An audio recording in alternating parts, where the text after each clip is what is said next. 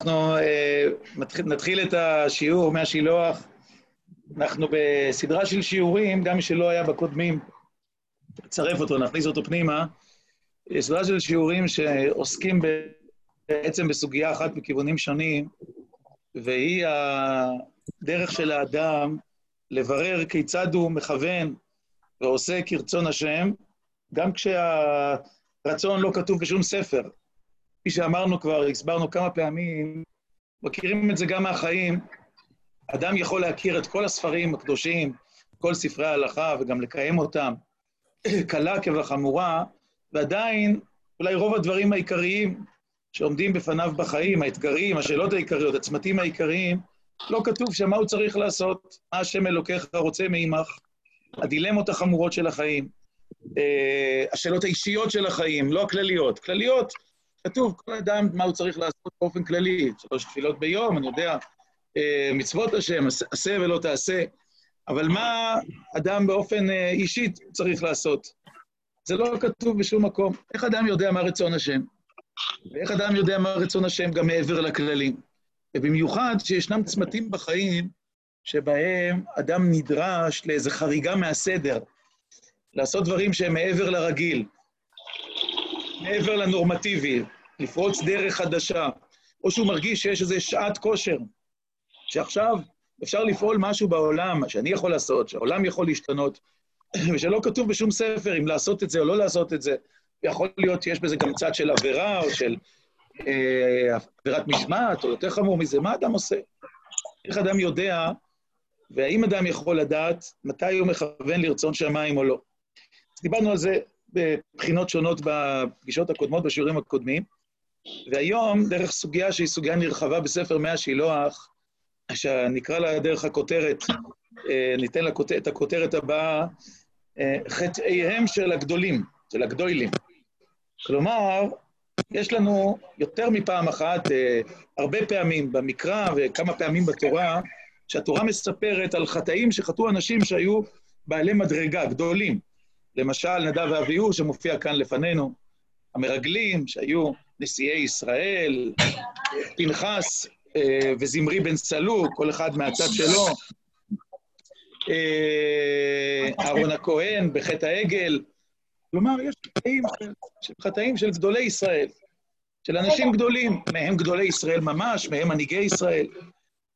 ואצל האיש ביצר, במי השילוח, יש עיקרון פרשני אחד גדול, שהוא שכשהתורה מספרת על חטא של אה, אדם גדול, היא מספרת עליו לא מפני שאדם גדול כאילו נפל כמו סתם, כמו אדם קטן, זה סתם עבר איזו עבירה,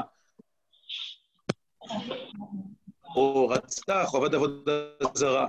דברים כאלה לא צריך לספר בתורה. כשמסופרים סיפורים על עבירות של אנשים גדולים, הם מסופרים כדי ללמד אותנו משהו עמוק על העמידה לפני השם ועל המורכבות של העמידה הזאת. אם אדם גדול חוטא, אדם גדול חוטא, אז הרי זה רק בגלל שיש שם משהו ש... שגרם לו לעשות את זה, שהוא כנראה חשב מבחינה מסוימת שמה שהוא עושה זה רצון שמיים, זה רצון השם. ולהבין מה הוא חשב, ולהבין האם הוא טעה, ואם הוא טעה, מה אנחנו יכולים ללמוד מזה, ומה זה יכול ללמד אותנו על ההכרעות האישיות שלנו, על הדילמות הכבדות של החיים, על המקומות שבהם אדם מרגיש ששעת רצון היא והוא צריך לעשות משהו, בשום ספר לא כתוב אם הוא צריך לעשות את זה או לא. אז מתוך כך אנחנו יכולים ללמוד גם את החיובי וגם את השלילי. בעצם, כמו שנמצא כאן, הכותרת, אה, השאלה היא, כיצד אדם יכול לכוון לרצון שמיים ולדעת ש, שהמעשה שהוא עושה הוא מעשה שעושה נחת לפניו יתברך, מעשה, מעשה שנשאר בנצח, מעשה שהוא מעבר לעצמי, מעבר לרצוני האישי, מעשה שיש לו ערך נצחי, גם אם הוא אה, לא מקבל שום אישור משום מקום, שום ברכה, אף אחד לא אומר לך, זה מה שצריך לעשות, זה לא כתוב בשום ספר. איך אדם יודע, ואיך אדם יכול לברר את עצמו מטעויות ומנפילות, חס וחלילה. אז נראה היום כמה דרשות שנוגעות דרך חטאיהם של גדולים בבעיה הזאת. אנחנו נתחיל בנדב ואביהו, שמעשיהם מפורסמים. ויקחו בני, שני בני אהרון, נדב ואביהו, איש מחתתו, ויתנו בהם אש וישימו עליהם קטורת, ויקריבו לפני השם אש זרה, אשר לא ציווה אותם, ותצא אש מלפני השם, ותאכל אותם. כך אומר הפסוק. ובכן, אומר מהשילוח, אני מתחיל לקרוא עכשיו, מתחיל להיכנס פנימה. אני השתקתי את, ה, את הרמקולים כדי שיהיה אפשר לשמוע טוב, אבל במהלך השיעור אני מדי פעם עושה הפסקות, אז מי שרוצה להתערב, לחלוק, להביע דעתו, לשאול שאלה, מוזמן בשמחה, ככה כל עשר דקות בערך. ויהי ביום השמיני ויקחו בני אהרון נדב ואביהו.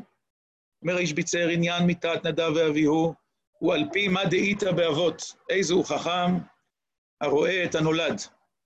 העניין בזה, אף שנאמר תמים תהיה עם השם אלוקיך, ונתפרש שם שלא ירבה להתחכם, לא יתחכם עם השם, אבל מצד שני כתוב איזה הוא חכם רואה את הנולד. מה פירוש רואה את הנולד?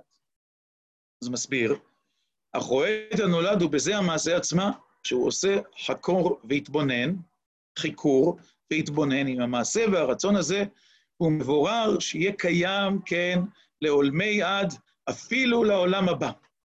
כלומר, מה זה לראות את הנולד? לראות מה ישתלשל ויצא מן המעשה הזה. כי בדרך כלל, אדם שואל את השאלה, אני עושה עכשיו משהו או לא עושה, זה נכון עכשיו או לא טוב עכשיו, זה עושה טוב או לא עושה טוב, זה מותר או שזה אסור. אבל יש מבט יותר ארוך, יותר עמוק. המבט הזה זה רואה את הנולד, מה ייוולד, מה יהיו התוצאות, מה ישתלשל בתוך המעשה שאני עושה. ולראות את זה הכי רחוק זה לראות את זה עד העולם הבא, לראות את זה בתוך הנצח. האם משהו ממש יישאר לנצח, אפילו לעולם הבא. אפילו לעולם הבא, שכשההיסטוריה תסתיים, אז יהיה רשום, האיש הזה תרם משהו לתיקון העולם, תרם משהו כדי שיבוא משיח, נגיד את זה כך. אז מה זה קשור לנדב ואביהו? אז הוא אומר כך, בעניין קטורת הוא כתהית בזוהר הקדוש, כתוב בזוהר הקדוש, מהי קטורת כתירא דכולה. כלומר, מהי הקטורת? היא הקשר של הכל, זה זוהר ויקל. היינו שהשם יתברך הוא תוך כל המעשים שנעשו מבריאת העולם ועד סופו, ובלתי רצונו לא יעשה שום דבר. ועל זה מורה עניין קטורת, כמו שנתבהר בפרשת תצווה. ובאמת, לפי מה שהאדם מקרב עצמו להשם, כן זוכה להתגלות אור השם מבלי לבושים שהם גדרים וסייגים, כי באור הברור, שם לא נמצא שום סייג ואיסור, ושם כל מעשי אדם מבוררים שהם להשם. וזהו עניין קטורת, תכף נסביר. שהיה סוד, ואסור להתחכם בזה, כי רק רבי עקיבא ירד בשלום, וזה שנאמר בקרבתם לפני השם וימותו. כלומר, ארבעה נכנסו לפרדס, אחד השתגע, אחד מת, אחד כפר, כן, הציץ ונפגע, אלישע בן אבויה, כן? ורק רבי עקיבא נכנס בשלום ויצא. והקטורת היא להיכנס פנימה לקודש הקודשים, להיכנס לפני ולפנים, זה בחינת כניסה לפרדס, ולהיות עם השם. וזה סוד גדול, ואסור להתחכם בזה, רק רבי עקיבא הצליח. וזה שנאמר בקרבתם לפני השם וימותו. כלומר, שנדב ואביהו, הפסוק אומר, אחרי מות שני בני אהרון, בקרבתם לפני השם וימותו. ניסו להתקרב הכי עמוק לפני השם, זה מה שהם רצו, להגיע הכי עמוק לפני השם. שהיו מקרבים עצמם להשם והסתכלו בעומק הצפון, ורצו לעמוד על ברור התנהגות השם יתברך. ולזה הטעם הלא ציווה אותם, הוא מרחק כפולה. ויקריבו לפני השם אש זרה כתוב, אשר, זה דרגה, אשר, ואז יש לא, שזה מרחק כפולה, בדרך כלל יש אחרי דרגת אוויר, זה היה צריך להיות ככה, אשר לא, ואז זה דרגת אוויר, אבל למעשה יש טעם נדיר, יש אולי ארבע פעמים בתורה, אשר לא,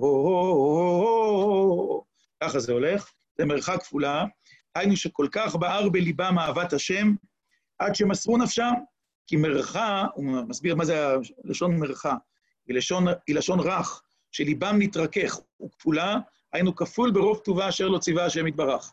ולפי שהיו, תכף נסביר, ולפי שהיו צעירים לימים, ולא הנסיבו, הם לא, הם לא נישאו, הם לא התחתנו, ולא התקללו במשה ואהרון, כדי איתו בזוהר הקדוש, ולא נטלו עצה, וזה הפלוגתא בגמרא, אחד אמר, שתוי יין היו, היו שיש לטעון על קרבתם, שהיו חס וחלילה מקלות ראש, או שהייתה כוונתם שיוסר מהם עול הגדרים, כמו שנתבהר. וגם מאמר המדרש, היו מחוסרי בגדים, ומה היו חסרים המעיל, אף שהמעיל אינו רק לכהן גדול.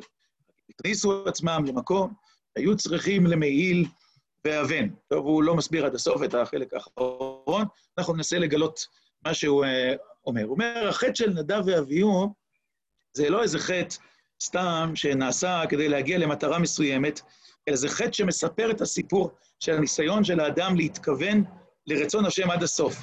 כלומר, לפעמים אדם חוטא רוצה להשיג איזה הישג. דיברנו על המקושש בשבוע שעבר, על אברהם אבינו, שבעניין של לוט, הוא רצה לראות את הנולד. הוא רצה לדעת האם כשהוא יציל את לוט, יהיו לזה תוצאות טובות, או חס וחלילה תוצאות טבעיות, מואב ועמון, שהיו צרים לישראל. אז הוא בירר את עצמו. זו הסתכלות ספציפית על מעשה מסוים. אבל נדב ואביהו ביום של השראת השכינה, היה שם משהו הרבה יותר כולל. התורה מספרת על החטא הזה ביום של השראת השכינה במשכן, כדי לומר שהם בעצם ניסו להסיר את הפרגוד. אנחנו עובדים את השם מאחורי הפרגוד. כלומר, בלי לדעת את עומק המשמעות של מה שאנחנו עושים או מה שאנחנו לא עושים. בלי לדעת לאן הדברים הולכים. וזה, ננסה להבין כאילו עכשיו את, את התנועה, את הסיפור. מה בעצם הם רוצים לעשות? הם לוקחים קטורת. הקטורת, כפי שהוא אומר, היא כתירא דקולה, כלומר, הקטורת היא סימן לכך שיש משהו שקושר את הכל. ומה קושר את הכל? מה שקושר את הכל זה אלוקות. רצון השם יתברך, שהוא קושר את הכל. בעצם, בכל דבר ודבר בעולם, יש בו רצון השם, לא משנה איך הוא נראה, רק אם אדם יודע מה עניין רצון השם שם, רק שאנחנו לא יודעים. בכל דבר ודבר יש רצון השם. והם לקחו קטורת וכאילו אמרו כלפי שמיא, ריבונו של עולם, אנחנו רוצים להגיע לעומק של העולם. אנחנו לא רוצים להיות עם המסך שנמצא כל, ה, כל הזמן בין האדם לבין השם. אנחנו רוצים להיות מעבר למסך. ולכן הם לקחו קטורת, לסמן את זה שהם רוצים שרצון השם יתגלה על כל המציאות, על כל המציאות שלהם ועל כל המציאות בכלל, ואז נכנסו פנימה אל עומק העומקים, אל קודש הקודשים. כן, ולמה נכנסים פנימה לקודש הקודשים? כי הם רצו להגיע בעצם לעומק של המציאות. לכל המציאות יש קודש קודשים. אפשר להגיד, כל דבר בעולם, לא רק במשכן, לכל דבר בעולם יש הצד הנגלה שלו, העבודה הגלויה שלו, מה שרואים, חיובי או שלילי, ויש עוד יותר פנימה, שזה הקודש שלו, אבל יש לו גם קודש קודשים. לכל דבר יש קודש קודשים. קודש קודשים זה החלק הכי פנימי של הדבר. וכל דבר בעולם, ממש כל דבר בעולם, החלק הפנימי שלו, קודש הקודשים שלו, זה אלוקות. זה לעמוד ממש חשוף מול, מול האלוקות.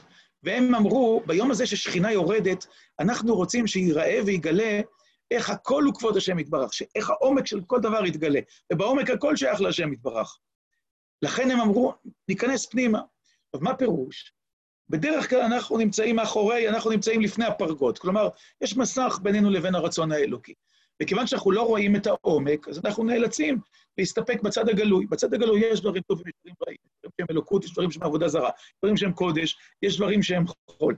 וכדי שאנחנו לא ניכשל בדברים שהם חול, או שהם עבודה זרה, או שהם חטא, או שהם תועבה וכולי, אז יש לנו גדרים וסייגים ואיסורים להימנע מזה ולעשות את זה, להתרגל לזה וכולי. והעולם בנוי על המון המון מתווכים שמביאים אותנו לגעת באיזה קצה, באיזה קצה קרחון של הרצון האלוקי, רק בדברים מסוימים שהם יותר נגישים אל, אל הקודש או אל קודש הקודשים. אבל אנחנו לא רואים את הדברים בעומק. ולכן הרבה מאוד חלקים מהקיום שלנו, בעצם הם לא, אה, אה, הם לא נוגעים באלוקי. הם רק כאן ועכשיו. הם לא מצליחים להגיע לנצח. אף פעם, הם, הם רחוקים מאוד מהנצח.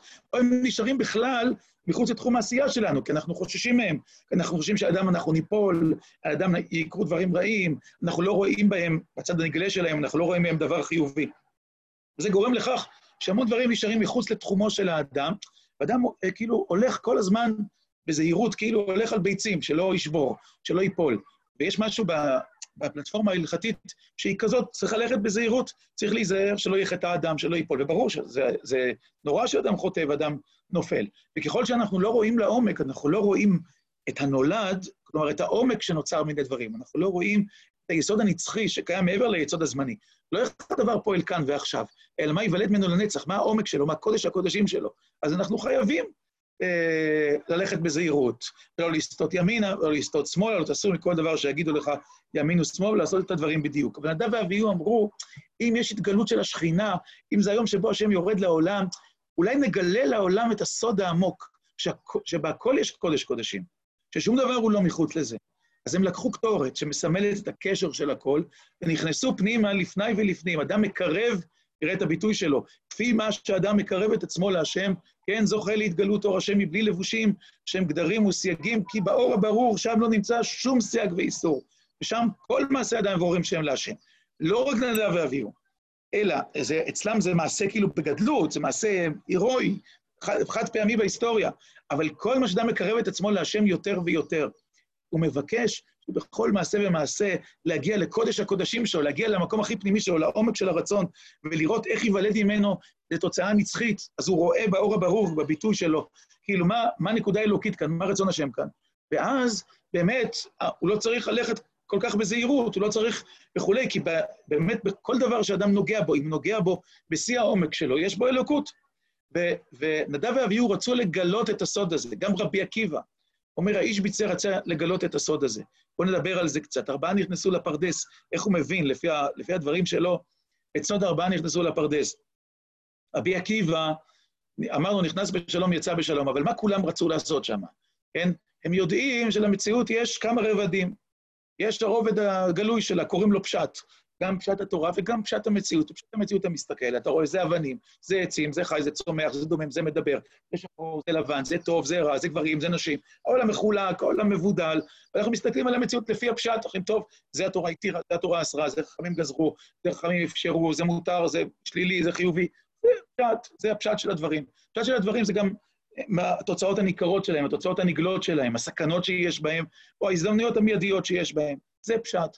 אבל יש, כמו בתורה, גם במציאות יש דרש ורמז וסוד. להיכנס לפרדס, פירושו של דבר לראות את השכבות הפנימיות יותר של המציאות. כמו שאנחנו מסתכלים על אדם, אתה מסתכל על אדם, אתה אומר, טוב, זה, הבן אדם הזה הוא, אה, לא יודע, כל היום כועס, כל היום צועק. הפשט שלו שהוא כועס, זה הפשט שלו. אבל יכול להיות שמעבר לפשט שלו, הפרדס הרי זה פשט, דרש, רמז וסוד. יש גם איזה, יש, יש גם איזה דרוש שם בצעקות שלו. בצעקות שלו יש שם איזה, קריאה, יש שם איזה צעקה, הוא אומר, חסר לי משהו, הוא אומר, אני לבד, הוא אומר, אני אומלל. זה יכול להיות הדרש שלו. ויש גם איזה רמז, אולי הוא קורא למישהו שיעזור לו, והוא רומז את זה על ידי הצעקות שלו, כן? ובפנים, בפנים בעומק יש גם איזה סוד. כלומר, יש שם איזה גילוי של נשמה שיש לה אור שלא מצליח לצאת החוצה. ואם תגיע פנימה, אז אתה גם את הסוד של הנשמה הזאת. כלומר, גם כשאתה מסתכל על אישיות, לכל אישיות יש לה פרדס. מסתכל על העולם, לכל דבר בעולם יש לו פרדס. ארבעה נכנסו לפרדס, כלומר, פירושו של דבר, החליטו ארבעה אנשים שהם רוצים ללכת לרבדים היותר עמוקים של המציאות, עד שיגיעו לסוד שלה. אבל מה קרה? כשאתה נכנס לרבדים היותר עמוקים, אתה מאבד את ההבדלות, אתה מאבד את ההבחנות, והכלים הרגילים שיש לנו לנתח את העולם ולסדר אותו, לארגן אותו, עובדים לנו. בעולם של הפשט זה מאוד מאוד ברור מי טוב ומי רע, מה מותר ומה אסור. בעולם של הדרש אפשר לדרוש אחרת, אפשר לדרוש פתאום שהטוב הוא רע ושהרע הוא טוב, אפשר להסביר אחרת, אפשר להסתכל על זה באופן אחר. האם בעולם של הדרש שופטים יכולים לשפוט? לא, שופטים שופטים רק בפשט. כשאומרים שמישהו גזלן, אז מביאים הוכחות שהוא גזלן, עושים אותו לכלא בגלל שהוא גזלן, מישהו רוצח, הוא רוצח. בעולם של הדרש אפשר לדרוש, אולי הרוצח הזה הוא אדם בעל מעלות נפלאות, כאילו, וגדולות, והרצח הזה הוא ביטוי של איזה חנק או איזה כוח כאילו שהיה בו ונחנק, או משהו שמישהו עשה לו ולכן הוא הולך למקום אחר, ובעצם ניקח את הכוחות שלהם יכולים להתהפך, זה לא יכול להיות חלק מהפשט, חלק מהעולם של המשפט. לא ייתכן, כן?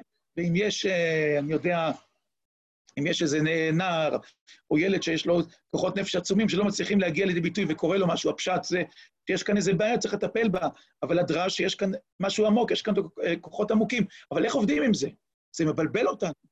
זה מפרק את הסדר, אז זה טוב, אז זה רע, זה חלק מאיתנו, זה לא חלק מאיתנו, זה בתוך החברה, זה מחוץ לחברה, איך הדבר הזה יכול, איך יכול להיות מובן? אותו דבר עם אנשים, אותו דבר עם דברים, אותו דבר עם תהליכים היסטוריים. אנחנו, ברגע שאנחנו נכנסים יותר פנימה, לא לפי הפשט, אנחנו לא מבינים, טוב, אנחנו מדברים כל יום על, ה, על, על המגפה, על הצרה שעוברת עלינו, לפי הפשט ברור שזה דבר רע. כן? זה, זה סכנת נפשות, זה משבית את העולם, זה נזק כלכלי עצום וכולי וכולי. אבל אם מסתכלים יותר פנים, מתחילים להתבלבל, כי הדרש, והדרש יכול להיות אמיתי, אומר, רגע, יש פה הזדמנויות, אולי קורה פה משהו אחר, אולי יש פה איזו אמירה אלוקית, אולי העולם פתאום יכול לגלות דברים אחרים שהוא שכח מזמן, וה, והמגפה הזאת מאפשרת לו, וכן הלאה וכן הלאה. לכן, ברגע שנכנסים יותר פנימה, מתחילים להתבלבל. ואז אדם שמבולבל, אדם שמאבד את עמוד השדרה שלו, אומר, רגע, זה טוב או זה רע? והוא מתחיל להפוך, אומר, אולי הטוב הוא רע והרע הוא טוב, וזה מה שקרה לאיש הבן אבויה. הוא הפסיק, ל... הוא איבד את, ה... את הקורדינטות, כן, את, את העוגנים של סידור המציאות. פתאום יש גם טוב וגם רע, והכל טוב והכל רע וכולי. כפר, אמר, יש שתי רשויות, איבד את הסדר של, ה... של העולם. וחבריו, אחד מת הוא נכנס עוד יותר פנימה, והוא הרגיש שהוא מאבד את הממשות. כי בעולם של הדרש, עוד איכשהו אתה אוחז בממשות, אבל בעולם של הרמז, כבר הכל תלוי על בלימה, הכל הוא חוט השערה. זה כתוב, זה לא כתוב, אני רואה, אני לא רואה, זה נמצא, זה לא נמצא, אני חי, אני לא חי, ופתאום הכל מתפרק. והוא לאט לאט מתקרב אל האלוקי ומאבד את הממשי, ולא נשאר לו כלום. לא נכנסים לפרדס כדי לאבד את הממשי, כדי, כדי לראות את מלוא האפשרויות שיש בניגלה, כאילו בפשט של הדברים, כן? בעולם הגלוי הזה של עצים ואבנים, הזה של אנשים, של משפט, של טוב ורע, איזה עומקים יש בו, לא כדי לאבד אותו. אז הוא מת, ואחד השתגע מרוב אפשרויות, מרוב בלבול. הגדול נהיה לו קטן, הקטן נהיה לו גדול, הוא הפסיק לראות לאן צריך ללכת, קדימה או אחורה וכולי. הוא השתגע, הוא איבד, אה, איבד את תחושת המציאות. שוב, המציאות היא הניגלה של, של המציאות, החלק הראשון, הפשט של המציאות.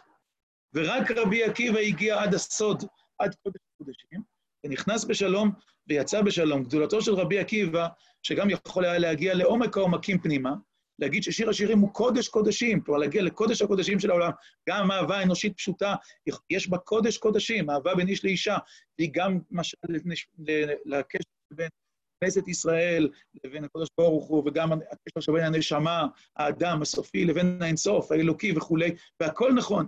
רבי עקיבא הצליח להגיע לעומק העומקים, לקודש הקודשים, לסודי הסודות, ולחזור אל הפשט, ולהבין את הפשט, להרחיב אותו דרך הסוד, זה גם כוח הדרשה עצום שהיה, שהיה לרבי עקיבא. הכוח זה להיכנס לקודש הקודשים בלי לאבד את האחיזה, את העמידה על הרגליים בעולם הנגלה, בעולם של הפשט. כי אחרי שנכנסים לקודש הקודשים, עדיין יש עולם של פשט, עולם של נגלה, עולם של אנשים טובים, של רעים, של מעשים, של סדר, של זמן, של מקום, של מותר, של אסור, של טוב ושל רע. צריך לארגן אותו עם העומק הנגלה עליו. הוא עדיין קיים, יש אנשים אחרים חוץ ממך, ויש אחיזה של, של תיקון עולם. רבי עקיבא הצליח לעשות את זה, ירד בשלום, כפי שהמדרש אומר, כפי שהאיש ביצר מצטט. והם רצו, נדב והוא, להסתכל בעומק הצפון ולהבין את, ה, את העומק של ההנהגה האלוקית בעולם, איך בכל דבר יש עומק. ברור התנהגות השם יתברך. ולזה הטעם, כן אומר, זה מה שה... זה המרחק כפולה, הטעם המיוחד הזה, אומר שהיה ליבם רך, כלומר פתוח וכפול, כן, ו, ו, השם בעולם הנגלה נתן טובה פה וטובה שם, לא בכל שבת זה קדוש, יום חול זה לא קדוש. הם הבינו שבכל יש קדושה, שבכל יש קדוש, כשהם רצו ש, ש, שהמציאות תהיה מלאה בכל זה. היו להם מחשבות עליונות. אז למה זה לא הצליח? למה זה התפרק? אז, אז קודם כל, האיש ביצר רוצה לקחת אותנו אל המסע שלהם. מה נדב ואביהו רצו לגלות? וזה מסע כללי, זה לא רק חטא ספציפי, כמו שאמרנו, אלא זה משהו שקשור בכלל לרצון של האדם לראות מעבר לנראה, לגלות מעבר לקליפה של המציאות, לחשוף את האפשרויות שבאמת יש שם בפנים, בתוך כל דבר, בתוך כל אדם. לפעמים ברמת הדרש, לפעמים רמז ולפעמים הסוד, כלומר, הפנימיות של הפנימיות, של העומקים, קודש הקודשים של המציאות או של האדם. ו- וזה לראות את הנולד, כלומר, את הדבר הנצחי שבתוך הדבר הזמני. אתה עושה דבר כאן ועכשיו, אבל זה דבר שיישאר לדורות, משהו ממנו, החן שלו, העומק שלו, התוצאות שלו, יישארו לעולמי עד. אדם עושה מעשה כזה. זה מה שנדב ואביהו רצו לחשוף. האם אפשר לחיות כך? אז קודם כל, אחד לארבע, רבי עקיבא הצליח, שלושת חבריו הגדולים, בן זומא, בן עזאי ואלישע בן אבויה, לא הצליחו. אחד לארבע, אבל זה אחד לארבע מגדולי החכמים. בית נדב ואביהו, שהיו המחליפים המיועדים של אהרון הכהן, גדולים ביותר, כהנים גדולים, כך הם היו, זה היה המעמד שלהם. גם הם לא הצליחו, אשר לא ציווה אותם ותצא אש לפני השם ותאכל אותם, אף על פי שכוונתם בוודאי לטובה הייתה. אז נראה מהם הדרכים, לפי חז"ל, שאומר להבין, מדוע למרות שכוונתם הייתה קודש קודשים הם נכשלו, וגם להבין את עצמנו. אחד, לפי שהיו צעירים לימים, אני קורא בשורה החמישית כאן, לפי שהיו צעירים לימים, ולא הסיבו ולא התקללו במשה ואהרון, ולא נטלו עצה, כן? אז אה, אז אפשרות אחת היא שאף על פי שכוונתם הייתה קדושה, והם רצו לחשוף את הסוד של העולם, הם היו צעירים ולא התקללו במשה ואהרון. כלומר, כדי שהאקט הזה יצליח, אה, הוא צריך להיעשות מתוך האחריות של ההנהגה, כאילו הכפולה של משה ואהרון, שאנחנו יודעים שמשה ואהרון מחזיקים שני המבטים היסודיים על העולם, משה אמת ואהרון חסד, הצירוף של מידתו של משה, שהוא מבט אמת על העולם, ושל אהרון שהוא חסד, מבט השלם, המבט הגבוה הזה, הוא צירוף שמנהיג את העולם ומתקן אותו. ועכשיו באים שני צעירים שליבם רך וגדוש באהבת אלוקים, והם רוצים לפרוץ את ה, את הפ, אל הפנימיות של העולם, בלי שזה יעבור דרך המלאות של המבט האחראי של משה ושל אהרון, שני המבטים ביחד, של מבט של אמת של הנהגה, מבט של חסד, של הנהגה של חסד, זה יהיה בוסר, זה לא, זה לא, זה לא יוכל לגאול את העולם, זה יהיה לו אותו. כלומר, זה יביא לשיגעון, זה יביא לכפירה, כלומר, לבלבול בין טוב לרע, או, לאי סדר וחסרות, או שיביא למוות של העולם הממשי, העולם הממשי לא יוכל יותר להתקיים. זה, זה ביאור אחד. הוא מביא את הפלוגתא בגמרא, יש מי שאומר שהם היו שטויי עין, שזה קרוב למה שנאמר עכשיו, שהייתה שם קלות ראש, איזו צעירות של חוק האחריות, שלא יכולה הייתה לחזור אל העולם. בלי משה ואהרון הם לא יכולים להחזיר את התנועה הזאת לתוך העולם. הם נשארים בקודש הקודשים, זה מה שקרה להם. או, אומר uh, ככה, שהייתה כוונתם, תיוסר מהם עול הגדרים. הם רצו להשתחרר, הם רצו להשתחרר מהעול של, ה, מהעול של הגדרים. כלומר, שאנחנו רוצים להיות במקום של קודש קודשים, שבו אין שום הגבלה, אין שום סייג. אם מה שהאדם רוצה זה רק להגיע לאיזה שחרור מאחריות, לשחרור מכובד, אז זה חטא. לחפש את עומק העומקים, את קודש הקודשים, זה לא בשביל להרגיש קל, זה בשביל להרגיש את הכבדות, נקרא לה המתוקה, האינסופית של, של הקיום. הקיום הוא כבד, הקיום הוא לא קל. לפעמים אנשים רוצים להגיע לאיזו חוויה רוחנית מדהימה, כדי להרגיש שזה כאן, זה לא כל כך כבד, כמו שההלכה אומרת, שאסור ומותר, ואפשרי ולא אפשרי, ומקומות האלה לא להיכנס, מקומות האלה כן להיכנס. אם זה להשתחרר מהגדרים, כלומר, להגיע לאיזו חירות כלילה, חירות מה, ולא, ל, ולא, ולא להגיע לכל הכובד, לכל העומק של העולם, זה מקלקל את העולם, זה לא גואל את העולם. והמאמר הנוסף בחז"ל, שלא מבואר אצלו, אבל ננסה אולי להבין מה כוונתו לפי מקום אחר שהוא מדבר על זה, וגם אמר המדרש שהיו מחוסרי בגדים, ומה היו חסרים המעיל. הוא מסביר, אף על פי שהמעיל לא לכהן גדול, רק הם הכניסו עצמם למקום שהיו צריכים למעיל ואבן. לפי הפשט, הכוונה היא שהם רצו להיכנס לקודש הקודשים, כמו שהוסבר, כמו שהזוהר אומר. אולי זה גם הפשט, רצו להקטיר קטורת לפני ולפנים, כמו ביום הכיפורים, בקודש הקודשים, ומי שנכנס לקודש הקודשים זה רק כהן גדול, וכהן גדול צריך מעיל, הם לא לקחו מעיל. אז זה, זאת, זאת הכוונה, ולכן הם חטאו. טוב, בסדר, אבל מה בעצם החטא? מה עניין המעיל? הסברנו פעם, זו נקודה שהאיש בצר עומד עליה, ש, שהמעיל הוא הבגד היחיד מכל בגדי הכהונה שכולו תכלת.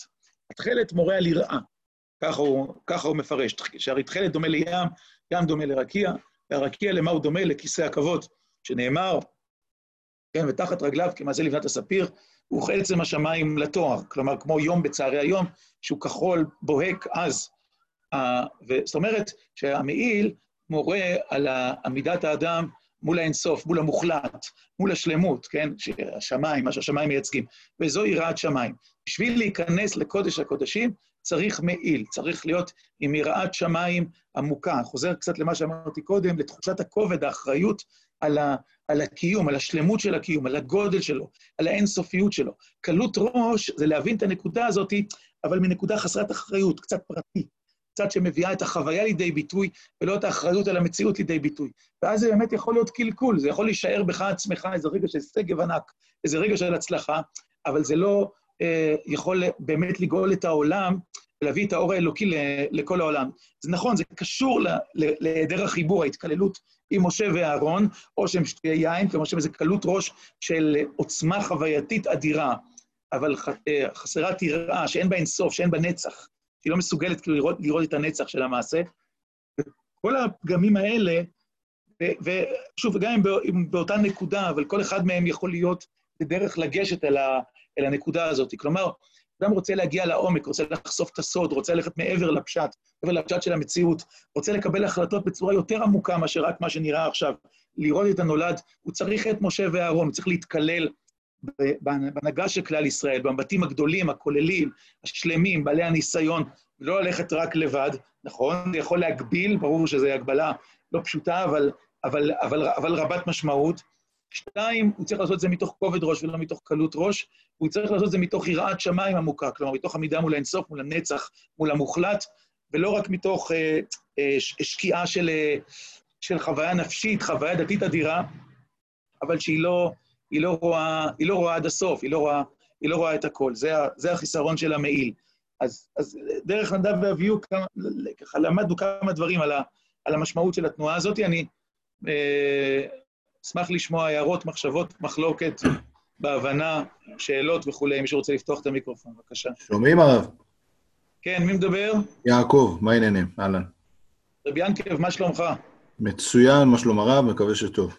נפלא, כן, בבקשה, אני שומע. אני רוצה, אני רוצה לשאול שאלה קטנה, אה, לא בממד האנרכיסטי של לתת לאדם את שבירת המוסכמות הזאת, אלא עצם האחריות הזאת. זאת אומרת, עכשיו לפני כוס קפה אני צריך לחשוב על הנצח שבה?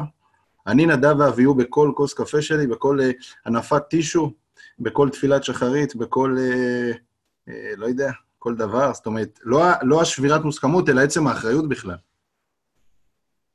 כן. אני, כן, אני... אה, כן, כן, אני מבין, אני מבין. אני, אני, אה, אני, אני אענה פעמיים, כלומר, אחת מתוך, אה, מתוך ההתכוונות שלו, ואחר כך אני אענה באופן אישי. כאילו, מה, מה, כאילו מה, איך אני עומד מול זה. זאת אומרת, האיש ביצר משמיע את הקול הזה שוב ושוב ב, בספרו, ש, שיש אפשרות לחיות את מלוא החיים ממש בעומק, ממש בסוד שלהם. כאילו ש, שכל דבר, כן, גם הקפה, גם נטילת ידיים, גם שיחת רעים, כאילו הפשוטה, הסיגריה, לא אל תעשנו, וכולי, כל דבר. כן, הוא, הוא הולך לעומק העומקים שלו, קודש הקודשים שלו, הוא יכול, יכול לחיות משם. אבל זה באמת איזו עמידה, אה, כאילו, כאילו כל הזמן עמידה חשופה מול הסוד, מול קודש הקודשים, מול האינסוף, שהיא דורשת uh, מתח רוחני אדיר, כאילו עצום, ש, ו, ולא, ולא פשוט בכלל. Uh, ואני גם חושב שחלק מהאמירה שלו, היכולת שלו לדבר על עבירה לשמה, מה שדיברנו, כן, שאדם לפעמים עובר עבירה, היא קשורה בזה שהוא רואה לנגד עיניו אה, אדם, ככה הוא חושב שהוא חי בעצמו, שכל הזמן חי בכזאת מתיחות אדירה של, של פנימיות, של קודש, של להסתכל פנימה, וזה כל החיים שלו, ככה הוא חי כל הזמן. אז גם כשהוא מגיע לצומת שבה זה אה, יכול אפילו להיות עבירה, הוא חי מתוך אותה מתיחות, מתוך אותה נקודה עצמה, זה לא קורה לו באיזה רגע. כל הזמן שם, כל הזמן נמצא במקום הזה. אני הקטן לא חי ככה. אני לא, אני לא נמצא ב... ב, ב, ב אני אולי מתוך אותו מקום של השאלה שלך, כוס הקפה שאתה שותה, כן, שהיא... אה, שבאמת זה, זה מטיל איזה, איזה כובד, אה, איזה כובד גדול מאוד, או דורש אדם לחיות במתח, בדריכות אינסופית, ואנחנו רגילים לתנועות רכות יותר של אה, רצו ושוב, כניסה אל הקודש, חזרה אל החול, אה, לחיות חיים פשוטים, נורמליים, להיכנס לפעמים למרחבים שבהם יש מתיחות גדולה ואחריות ואינסוף וכולי, ולחזור בחזרה וכולי. בתנועה כזאת, רמת הזהירות ורמת האחריות אה, ורמת תשומת הלב למשה ואהרון ולהלכה וכולי, ברור שצריכה להיות יותר גדולה. כן, זה, זה ברור ששם אנחנו נמצאים יותר באזור של הפשט או באזור של הנגלה. עם זאת, ככה אני רואה מאיש ביצר בכל מיני מקומות, הוא אף פעם לא אומר, כאילו מדבר בלשון של הכל או לא כלום. כלומר, או שאתה נמצא שם עד הסוף, או שאתה לא נמצא שם בכלל. כלומר, העולם כאילו מתחלק בין ה... ה נגיד, אפשר להגיד, הסתמיות אה, הנגלית של החיים, שיכולים להיות חילונים, יכולים להיות דתיים בפשט שלהם, כן? יותר טוב דתיים מחילוני, אבל אה, בנגלה, פשוט לעשות מה שצריך לעשות וכולי. לבין האדם שחי ב- ב- בכל העומק, רק נדב ואביהו, מוישה רבינו, אני יודע, אברהם אבינו. לא. יש, ב, ב, יש בדרך כל מיני תחנות לעצור בהן, ואדם יכול לבחור, כאילו, את, איזה, את רמת המתח, את התדר, כן, שתדר הקדושה, או, או את, גם תדר במובן של תדירות וגם במובן של עוצמה, כן, שאליו הוא נכנס, שבתוכו הוא חי, וגם אם הוא לא יכול להיות כל הזמן, והוא דואג להרפות, יש תורים, הוא מדבר על זה, נדבר על זה פעם אחרת. יש מצבים של חנייה, אדם, אדם אה, הוא, הוא חונה, אני עכשיו חונה, אני לא נוסע. כשאני חונה, אז אני שומר על עצמי. כן, אני בחנייה, אני בלשון אה, פסיכולוגית יותר, יש מצבים של הרפייה, של מנוחה, כן, של... אתה נכנס לשקט, אתה אתה מארגן את החיים, אתה רוצה לאחוז בממשות שלהם וכולי. וישנם מצבים שאדם נכנס לנסיעה, נסיעה רוחנית, ואז הוא מעלה, מעלה את המתח, מעלה את התדר, מעלה את העומק, ושם יכולים לקרות דברים שלא קורים בזמן של חנייה. בסדר? אז יש גם תנועות כאלה, אני חושב שהן משמעות. מי עוד רוצה? טוב. כן, מי שואל? נתן. נתן, כן, בבקשה. אמ, איך זה, ש... איך, איך זה שהם לא התייעצו עם משה ואהרון? וגם לא רואים בש, בכל התורה שהם היו תלמידים בכלל של משה ואהרון. זה, ו, ולגבי, ולגבי זה שהם היו בלי מעיל, בגלל שהם היו גדולי הדור, זה, זה קשה להבין ש, שהם לא ידעו שצריכים מעיל. זה כאילו כן,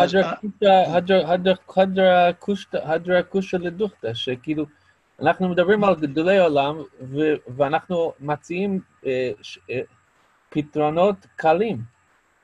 ש- שזה זה- בשביל, אני- כן. יכול, אני, אדם ברמה קטן יכול לטעות, אבל בגדולי עולם, למה הם לא הלכו בכלל להתייעץ עם משה ואהרון? כן, אני, אני יכול לענות רק מתוך ההשערה, כאילו, אני לא...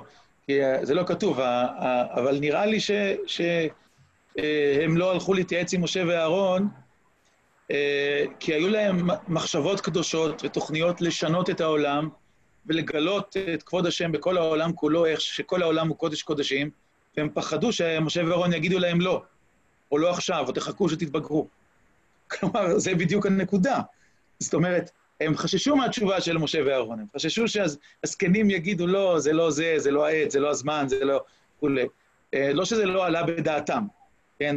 כי זה באמת אתה צודק, זה לגמרי נכון. ו, ולגבי המעיל, אה, הרי זה, זה גוף ה...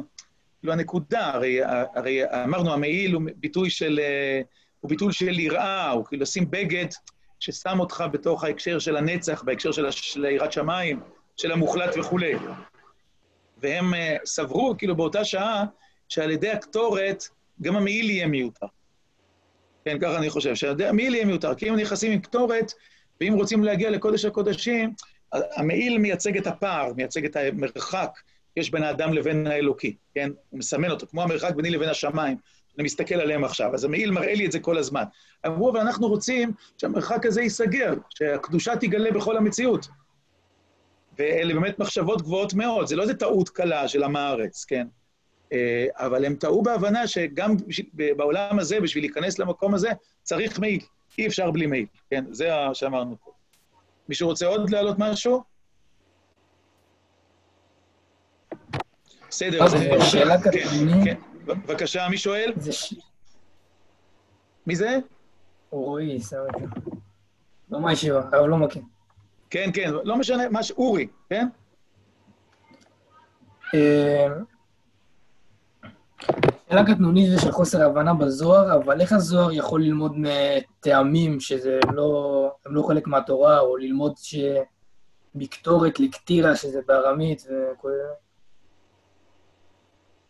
כן, ש- שאלה שדורשת אה, הרחבה. אה, קודם כל, אנחנו יודעים שיש, על השאלה של ארמית, אם נדבר על ארמית, על קטורת וקטירה, אנחנו יודעים שיש קשר בין שורשים עבריים לשורשים אה, ארמיים, וגם רש"י, אתה יכול למצוא את זה פה ושם ברש"י, שימוש שלו באונקלוס, אנחנו מוצאים, יש מילים שברור לנו שיש להם, יש בהם השראה ארמית, או שאפשר לגלות על המקור של השורש העברי מתוך השורש הארמי. במקרה הזה, זה באמת קרוב מאוד, הרי קטר וקשר זה החילוף הרגיל שאנחנו מוצאים בין שין והתף או הטט, כן, שקיים בין ארמית לעברית, ולכן זה, זה ממילא קרוב, אה, וזה גם אה, משהו שנמצא בדימוי של הקטורת, כי הקטורת, בשונה מכל העבודות האחרות, זה משהו שמתפשט במרחב, הריח והעשן, ואז הוא קושר את כל הדברים בתוך, ה, בתוך הריח. כלומר, בשונה מחוש הראייה, חוש השמיעה שהם קוויים, אתה רואה משהו מכאן לשם, או אתה שומע משהו מכאן לשם, הריח וגם העשן, כאילו, שמייצג איזה, הוא אופף את הכל, הוא קושר את הכל. אז לכן, גם השימוש הלשוני, הסמנטי, וגם הדימוי שה, שהקטורת אה, מעבירה לנו במובן החושי, האסתטי, הוא קשור לרעיון של הקשר, אבל שוב, זה דבר יותר רחב, ויש קשרים עמוקים בין לשון עברית לארמית, ולפעמים אנחנו לומדים מתוך הארמית על המקור של השורש העברי בלשון הקודש. זה לגבי, אה, זה לגבי, ה, לגבי הטעמים, זה באמת אה, אה, רמזים וסודות, הוא אומר את זה בדרך רמז. זה לא דבר שהוא לא, לא היה בונה דרשה על, ה, על, על מרחק כפולה, אבל uh, אנחנו, אנחנו יודעים ש, שדורשי דרשות בכל הדורות, uh, ביניהם דרשנים סתם, שלא היו מחכמי הסוד וכולי, וגם, וגם בזוהר דרשו את משמעותם של הטעמים, גם במובן המוזיקלי, כאילו את התנועה שלהם, וגם את, ה, את השמות שלהם, מפני שהבינו שלטעמים, התנועות שלהם והשמות שלהם, יש מסורת בקודש, מסורת ב, מדור לדור, כן, שהם נמסרו לחכמי ישראל, ולכן, ולכן דרשו אותם. אני חושב שבשום מקום לא תמצא ש, שדרשת טעמים יכולה להיות מקור של דרשה, אבל היא יכולה להיות סניף שמבסס רעיון שהיסודות שלו הם בכתובים עצמם או בעומק הקריאה של הכתובים, ואת זה אפשר לאתר בדרשה של, של, של, טעמים. צריך לומר יותר מזה, ש, שהטעם שם הוא באמת טעם מיוחד, והעובדה שיש מרחק כפולה במילה לא, כלומר, הפסוק אומר, ויקריבו לפני השמש זרה אשר לא ציווה אותם, אה, שזה טעם מפתיע, זה טעם נדיר, הטעם הטבעי, כמו שאמרתי קודם, היה טבעי, בדרך כלל זה מה שהיה שם, ואז היינו קוראים את הפסוק רגיל, זה אומר שאנחנו מדגישים, לוחצים, שוהים, או אפשר להגיד כמעט צועקים, את המילה לא, אשר לא אה, אה, ציווה אותם, כאילו אנחנו מכפילים אותה, כן, זה, זה העניין של מרחק כפולה, כאילו מקבלת, למרות שזה טעם מחבר, הטעם במשפט זה אשר לא ציווה אותם זה חיבור, אבל המילה הזאת מקבלת את כל ההדגשה שלה. וזה גם את זה שומע, האיש פיצר שומע, כן, ודורש. טוב, נעבור לדרשת המרגלים. מרחק אה, כפולה זה לא מהתורה. טעמים זה לא, לא מהתורה. טעמים זה לא מהתורה. נכון, נכון, נכון, אמרתי, זה לא מהתורה, זה מסורת. נכון, אמרנו, טעמים הם מסורת, אבל, אבל חכמי ישראל הבינו ש, שמסורת הטעמים, שמסורת הטעמים היא, מסורת שבקודש. הם ייחסו לרוח הקודש, והם הבינו ש, שה, שהטעמים מאפשרים לפרש אה, בעומק, כמו שחז"ל מפרשים, אנחנו סומכים על המדרש שלהם וכולי, לפרש בעומק את כוונת התורה. שוב, לא בדרך של מקור ראשוני, אנחנו לא, לא נבנה על הטעמים אה, אה, עצם הפירוש, אבל אפשר לחזק על ידי הטעמים את הפירוש. אבל נסתפק בזה, כיוון שזה לא הדבר העיקרי של השיעור. נקרא משהו על המרגלים, ככה שזה יכול לתת דבר נוסף, אם נספיק נאמר גם על קורח. עניין חטא המרגלים, אומר האיש ביצר, אנחנו יודעים שהמרגלים חטאו בהוצאת דיבה על הארץ, וניסו להניא את עם ישראל מלהיכנס לארץ. כוונתם הייתה באמת לשם שמיים, והיה עבירה לשמה. שוב, הוא אומר את זה בכל מקום שבו אנחנו מגיעים לחטא של גדולים. תמיד זאת תהיה עבירה לשמה. למה? לא יכול להיות ש, שאנשים גדולים כאלה יעשו חטאים פשוטים, יחטאו בשטות כזאת, ו, ואין טעם שהתורה תספר את זה, אם זה סתם חטא כזה של, של נפילה. החטאים שאנחנו יכולים ללמוד מהם זה דווקא במקום שבו יש כוונות קדושות, רעיונות קדושים. אז ראינו אצל נדב ואביהו, עכשיו נראה איך הוא מפרש את המרגלים, ושוב, נלמד גם מה הם רצו, גם מזה אפשר ללמוד, אבל גם מה השגיאה, הם קיבלו, איך הם קיבלו החלטה לא נכונה, ושנדע להעביר את זה לקיום שלנו. והיה עבירה לשמה, שזאת ידעו ברור, שמיתת משה רבינו תלויה בביאת הארץ. וגם זאת ידעו, שאיתה בגמרא, לא קאי איני שדעתי דרבי עד ארבעים שנים. לכן התחכמו עצה לעכב ביאת הארץ, כדי שיוכל משה רבינו להיות עוד אצלם, למען שיוכלו לעמוד על עומק דעתו. נסביר מה שכתוב עד כאן. הוא, דורש כך. הוא אומר, הם ידעו בבירור שמיתת משה רבינו זה בביאת הארץ. כמובן שמיד אתם תשאלו, אבל משה רבנו חטא בחטא מי מריבה שהיה בשנה ה-40, עד השנה ה-40, אנחנו חשבנו שמשה רבנו ייכנס לארץ, הוא חטא רק בשנה ה-40 במי מריבה, אבל יש כמה פעמים גם במדרש ויש גם רמזים בפשט שבעצם זה נגזר עליו קודם, למשל בסוף פרשת שמות, אה, הפסוק אומר, השם אומר למשה כשהוא מתלונן, למה הראיות על העם הזה, למה זה שלחתני, השם אומר לו, אתה תראה אשר אעשה לפרעה. אומר המדרש, אתה תראה ולא תראה במלחמת ל"א מלכים, כלומר שלא תיכנס לארץ, שכבר שם נגזר על משה שלא ייכנס. או משה רבנו בעצמו בספר דברים אומר, שהוא אחרי שהוא מתאר את חטא המרגלים, גם בי יתענף השם בגללכם לאמור, גם אתה לא תבוא שמה. משמע שהוא תולה את זה או בחטא המרגלים או במשהו שאפילו מוקדם לחטא המרגלים. כך שיש כמה סימנים לכך, הוא אומר את זה בדרך דרוש, ש, שהם ידעו שמשה רבנו לא יוכל להיכנס לארץ. והרבה דברים נאמרו בזה גם בזוהר וגם בספרי דרוש וחסידות. ומשה רבנו מבחינת עניינו ומידתו לא יכול היה להיכנס לארץ. למה? אסביר, כי משה רבנו, ספירות בקבלה, ספירת תפארת, והוא שייך לעולם של תורה שבכתב, הוא שייך לעולם של פה, פה אדבר ומראה בלא בחידות, לאספקלריה המהירה. כלומר, לעולם שלא מגיע עד המלכות, עד הארץ, עד תורה שבעל פה. ארץ ישראל זה תורה שבעל פה, זה לא תורה שבכתב. ארץ ישראל זה הבאת התורה לקיום הממשי. משה רבינו זה תורה שבכתב, זה תורה של אידיאלים, זה התורה הגבוהה. לכן תורת משה רבינו צריכה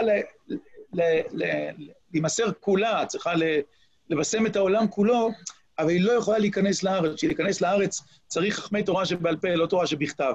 צריך מידת מלכות, לבנה, יהושע, ולא מידת השמש, תפארת, משה רבנו. אז הם ידעו שזה לא מתאים למשה רבנו, זה לא, לא מתאים למידה שלו. וגם זאת ידעו, שלא קאי איני שדעתי דרבי עד 40 שנים. חטא המרגלים, כזכור, היה בסיוון אה, של אה, השנה השנייה לצאתם מארץ מצרים, חודש סיוון, והם, אה, או בתמוז, של לצאתם מארץ מצרים.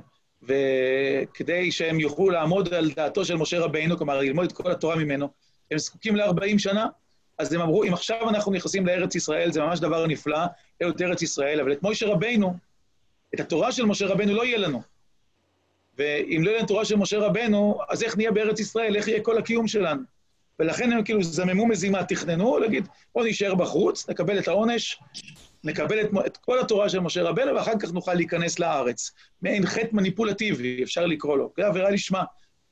הוא אומר, לכן התחכמו. כן, זה חטא של אוי ברכוכם, כן, של חוכמה גבוהה, חוכמה שמערימה על המציאות.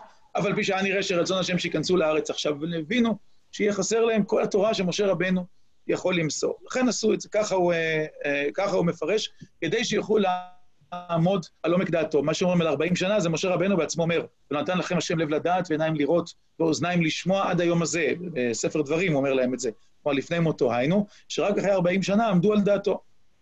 אז המרגלים רצו שלעם ישראל יהיה תהליך שלם של קניין תורה, ורק אחר כך ייכנסו לארץ ישראל. לא, חשבו שזה בוסר, זה מהר מדי. הייתה להם הבנה שצריך ללכת, וצריכה להיות דרך ארוכה של לימוד התורה עד שמגיעים לארץ ישראל. רק כמובן להרחיב את זה. כן, אי הכנה. אכן באמת הוא אומר, היה זה נחשב לחטא. השם יתברך אמר, הלא אני נקרא גדול העצה וכל יכול. ואם יהיה רצוני שיהיה משה רבינו עוד אצלכם, היפלא ממני דבר, ולא אצל השם יתברך לא נמצא תרתי דסתרי, ואינו צריך לעצת אדם. ואם היה רצונו בחיי משה, לא היה ביאת הארץ סותר לזה. והראיה, הלוא יהושע וכלב גם כן ידעו זאת. כלומר, שמשה רבינו אה, לא יכול להיכנס לארץ. והם היו סמוכים על שולחנו של משה רבנו, ורצו גם כן בחיי משה, והלכו לתומם, ולא התחכמו שום עצה נגד רצון השם יתברך, והשיגו שאלתם וחפצם.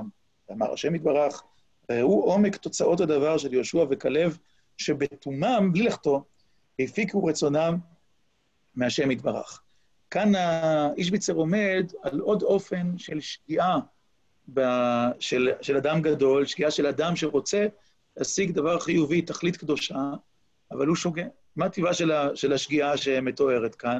אז אנחנו אומרים, אדם צריך לכוון לרצון השם.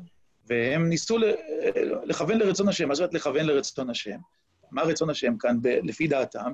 שהם ילמדו את התורה, תורה שבכתב, תורת משה רבינו, כמו שמשה רבנו יודע ללמד אותה, האידיאלים של המהות של התורה וכולי, התורה גבוהה עד הסוף. זה מה שהם רצו. הם רצו שיהיה להם את התורה של משה רבינו אה, אה, מכל וכול. מה הייתה השגיאה שלהם? כאן נשמע משהו פרדוקסלי. הוא אומר שהם לא שמו ליבם על רצון השם, כן? אה, אומר ככה. אה, אומר אצל יהושע וכלב, שהם לא התחכמו שום עצה נגד רצון השם יתברך. הוא אומר, הרי, מה זאת אומרת שמשה לא ייכנס לארץ? זה נגזר שמשה רבינו לא ייכנס לארץ, זה מה שהשם רוצה. אז הם אמרו, ואנחנו יודעים יותר טוב מה השם רוצה. איש ביצר אומר, כשאני מדבר איתכם על רצון השם, אני לא מדבר על התחכמות, על מניפולטיביות, כן, על איזה חוכמה שמעבר לחוכמה. אני יודע באמת מה צריך להיות כאן. כלומר, הם באים עם איזו מחשבה גבוהה, תיאורטית. אנחנו, יש לנו ידיעה כאילו מה נכון, אבל אתם יודעים שהשם רוצה שתיכנסו לארץ ישראל, נכון, הרי הוא ציווה שתיכנסו לארץ ישראל. אתם יודעים שהשם גזר על משה. עכשיו, נראה לכם סתירה, גם מצד אחד צריך שתהיה תורת משה אה, שלמה, וגם מצד שני ישראל, אז לא תהיה תורת משה, השם של... תורת משה שלמה. הקדוש ברוך הוא גדול העצה ורב על אליהו יפתור את הסתירה, לא אתם תפתרו את הסתירה. כלומר, כשמכוונים לרצון השם, אסור ללכת בהתחכמות, או באיזה סוג של ידיעה גבוהה. מעין זה, אומר האיש ביצר גם על נוח. הוא אומר שנוח, למה לא התפעל על המבול? זו המחשבה, הוא אומר, למה לא התפעל על המבול? הוא אומר, לא התפעל על המבול, כי הוא ראה בראיית עומק, הוא ראה בספרי כן, שהעולם שהוא חי בו, העולם של עד מתושלח, עד נוח, זה עולם מעלמין דהתחרבו, שצריך להיחרב. אז הוא אמר, אז במילא, העולם הזה צריך להיחרב, אז למה שנתפלל עליו? זה מה שהקדוש ברוך הוא רוצה, שהוא ייחרב. וגם זאת התחכמות שהיא לא לרצון השם. אם השם אומר לך, אני מביא מבול, כי הארץ מושחתת, ותעשה משהו כדי להציל את העולם, אז תציל את העולם, תתפלל, תצעק, תחזיר אותם בתשובה. למה אתה עומד ושותק? אסור לאדם להתחכם נגד רצון השם, גם התחכמות מנסה להגיע למשהו שהוא בעצמו חושב שהוא רצון השם. ההליכה בתמימות, משמעותה שאם אתה, נראה לך שיש כאן שני דברים שהם סותרים, כמו שאמרנו, מצד אחד, הרצון להיכנס לארץ ישראל, ומצד שני הרצון ללמוד את התורה עד הסוף, אז תלך שם, צא מציבה, תלך עם הציווי. אתה חושב שאתה יכול לפתור יותר טוב מהקודש ברוך הוא את הבעיה? זה חטא. להתחכם לרצון השם, להיות אוי ברחוכם, להגיד, יש לי פתרון יותר טוב מאשר הקדוש ברוך הוא, בשביל הקדוש ברוך הוא. איך זה יהיה, זה חטא. וזה דבר שאנחנו הרבה פעמים שוגים בו. זאת אומרת, איש מצר לא רוצה ללמד אותנו להיות אוי ברחוכם, כלומר, להתחכם על רצון השם, זו מחשבה גבוהה. רוצה ללמד אותנו ללכת בתמימות. עכשיו, נכון, הליכה בתמימות יכולים לה, לה, להעמיד את האדם לפני איזו סיטואציה שבה מתוך התמימות הוא אומר, אני חייב לעשות את זה, לא יכול להיות תחת... ליבו מראה לו, ליבו אומר לו שאין ברירה, חייבים לעשות את זה. לא בגלל התחכמות, אלא זה מה שהשם רוצה, למרות שנראה אחרת. אבל אם אתה יודע בבירור מה רצון השם, רק אתה יודע שיש פה איזו סתירה, יש פה איזו בעיה, אל תתכנת את העולם או את הנהגת ההיסטוריה כדי שהיא תהיה, אה, תהיה מתאימה לך. השם אמר להיכנס לארץ ישראל, תיכנס לארץ ישראל. אתה לא יודע איך זה מסתדר עם זה שהתורה תינתן עד הסוף על ידי משה רבנו, תתפעל להשם שהוא ייתן פתרון, לא אתה תיתן פתרון. אנחנו לא צריכים לפתור לקודש ברוך את הבעיות של העולם, לפתור את הפרדוקסים. בשביל זה הוא נמצא בעולם. אצל השם יתברך לא נמצא תרתי דה סתרי. וזה אה, זה בתורתו של האיש ביצר, זאת אומרת שילוח, עניין התמימות. עניין התמימות זה אף על פי שיש מקום שאדם יראה לעומק המציאות, ויראה אה, מה נולד מן הדבר הזה, אבל לא בהתחכמות, כי לא במחשבה שמערימה על הרצון האלוקי בעצמו, שבעצם בסאבטקסט אדם אומר, אני יודע יותר טוב מהריבוינו של העולם בעצמו, מה השם רוצה. אמרנו כמה פעמים שדפוס כזה של מחשבה, של את אדונו, אופייני בתנ"ך ליואב בן צרויה כלפי דוד המלך. שהרבה פעמים יואב בן צרויה עושה, דוד אומר לו דבר אחד, הוא עושה דבר אחר, נגיד באבשלום, או כשהיה בן בכרי, או אצל אבנר בן נר, כמה מקומות שהוא, שהוא רוצח אותם, ובכל מקום הוא אה, אומר לדוד, נכון שאתה אמרת לי, אבל בעצם אני עשיתי את זה בשבילך, כי אני יודע יותר טוב ממך מה טוב בשבילך. גם כשיואב עושה את זה לדוד המלך, זה לא טוב. זה לא... אבל כשאדם עושה את זה לקדוש ברוך הוא, על אחת כמה וכמה, שזה לא נכון. אין, לי, אין להתחכם כנגד רצון השם. ולכן כל התורה הזאת של תכוון לרצון השם, היא צריכה להיות תורה של תמימות, כלומר, לא של איזו מחשבה עורמתית, מניפולטיבית, גם כשהיא באה מהגובה, כאילו, מסוד וכולי, אני יודע בעצם מה, מה כאילו השם רוצה וכולי, אלא מחשבה שרק אם יש הרגשת הלב ברורה, שהעומק של מה שצריך להיות כאן הוא, הוא כזה ולא אחר, אף פי זה לא כתוב בשום מקום, יש מצבים שמותר לו ללכת עם זה, אפילו מצווה נפשו על זה. אבל אם אדם יודע בבירור מה השם רוצה כתוב, השם אמר לו אה, מה הוא רוצה, אז אל תגיד, טוב, אבל בעצם משהו אחר. ההתחכמות איננה מפתח לעבודת אלוקים. האויבר חוכמיות, כאילו, ביידיש, היא לא מפתח לעבודת אלוקים. זאת הנקודה השנייה. מי רוצה לשאול או להגיד משהו, להוסיף? הרב זמיר? כן. אה, כן, כן, שומע. ערב טוב. אה, יועד. יוחאי. יוחאי, יוחאי. יוחאי, יוחאי, יוחאי, יוחאי, יוחאי, לא, אתה מטושטש לי. כן. בסדר. כן. אה, אני רציתי לומר, אני מודה שקצת קשה לי עם התפיסה של המי שילוח את החטא באופן כללי. זה נורא עקבי אצלו, אה, אבל אה, באופן, זה, זה נורא מעניין אותי, כאילו שחשבתי על זה, כמו היחס שלו לחטא המרגלים ביחס למשה, זה, הרי נכון, יש הרבה מתייחסים לזה שבעצם אה, תורה שבכתב בעצם לא נכנסת לארץ, כלומר, היא מסתיימת מחוץ לארץ ישראל. וה... כן. יש שם הרבה מאוד דרשות על הלכות שמשתכחות, וכאילו אנשים מחדשים אותן, כאילו, מכוח הלימוד. שזה בעצם סוג של תורה שבעל פה, והייתי אומר, כאילו, אם אני מסתכל על זה ככה, אז בעצם אפילו התפיסה של חטא המרגלים, זה בעצם אה, כאילו, כאילו מעין ביטול תורה שבעל פה. כלומר, אין תורה, משה זה תורה שבכתב. נכון, הוא, נכון. הוא מפי השמועה באופן אה, ישיר. אין, אין, נכון. אז, אז זה ממש מניעה של ההתפתחות של הדברים. זה נכון שאני רוצה ללמוד ממשה, ויש דברים, אז צריך בשביל זה 40 שנה, אבל בסופו של דבר, הרי ברגע שאתה אומר שברגע שהוא מת, או שיהושע מת, נשתכחו כך וכך הלכות וצריך לחדש אותם פה מכוח, אה, מכוח החידוש והלימוד, זה כבר כאילו קוטע את האופציה בכלל של אה, תורה שבעל פה. סתם אני אומר שאני חושב על זה כ... על ה... בצורה שבה הוא תופס את זה. זה נותן איזה פן מעניין. כן, זה, זה, נדייק את זה, שה, שההתפתחות המלאה של תורה שבכתב, זה ההתפתחות של התורה בצורה האידיאלית, הטהורה שלה. כשהיא עוד לא נוגעת במציאות, כשהיא לא צריכה להביא את עצמה אל החורים והסדקים של העולם, כן? שזה תורה שבעל פה, תורה שבעל פה. עכשיו, במובן הזה זו תורת משה, והיא נשארת בטהרתה. משה רבנו, כאילו העוצמה שלו זה דווקא לגעת בשמיים, להביא את התורה בפה אל פה, פספקלריה מהירה כמו שהיא בשמיים, לפני שהיא יורדת, כן. כי כשהיא יורדת צריכה להיות מתורגמת, יש, יש כללי תרגום בהלכה. יש שעת הדחק, יש הפסד מרובה, יש פיקוח נפש, יש התנגשות של ערכים שצריך לפתור אותה, כן? יש וכולי וכולי, כאילו, ויש מציאות שהיא לא בדיוק מתאימה לאידיאל, אז צריך ללמוד את זה ממילתא למילתא, בבניין אב, בקל וחומר, וכן הלאה וכן הלאה. כלומר, הטהרה של המושגים מתחילה להיטשטש. עכשיו, גם במובן של הכנה פנימית, אנחנו יודעים שזו הרגשה שלנו, גם הייתה הרגשה בדורות האחרונים, התחילה שיבת ציון בדורות האלה. לא מוכנים, שהתורה צריכה להילמד עד הסוף, שאם נלך לארץ ישראל, משהו יתקלקל, משהו, משהו אה, ישתבש בטהרה של התורה. והפחד מזה שזה יקרה, והרצון להשלים את זה עד הסוף, הוא פחד ממשי, אמיתי, כאילו, מובן. המרגלים כנשיאי ישראל הרגישו, מה זה שנה עם מוישה רבנו? 40 שנה צריך עם מוישה רבנו, עם כל רב צריך הרבה זמן, אבל משה רבנו ודאי צריך 40 שנה עד, שאת, עד שהתורה תרד. אבל שוב, אה, הנקודה שאומר, אני הנקודה שאומר, הקדוש ברוך הוא קובע את, ה, את, ה, את הנכון ואת הלא נכון, ולפעמים במציאות ההיסטורית וגם האישית, הביוגרפית של האדם, יש סתירות, דברים לא קורים בדיוק בסדר, בדיוק כשאתה חושב, עכשיו זה צריך לקרות, נחכה עוד עשר שנים, עוד חמש שנים וכולי. אשריך עכשיו, לך עכשיו, איך זה יסתדר עם זה שהייתה לך מחשבה אחרת, עם זה שלא השלמת דבר אחר, עם זה שלא סיימת מסלול אחר וכולי, יתרונים. אצלו אין ריבו, אצל הריבוני של עולם אין תרתי דה סתרי, גם הסתירות נפתרות. זה, זה יסוד התמימות, להקשיב ל, לרצון האלוקי, גם במובן הזה. אני אסיים כאן, כיוון ששש וחצי, נאמר לכם אה, שלום, בעזרת השם, אני מקווה בעזרת השם שניפגש גם בשבוע הבא עם, ה, עם לימוד מהשילוח. נתקרב, נתקדם לפסח, בשבוע הבא בעזרת השם נלמד תורה לקראת פסח.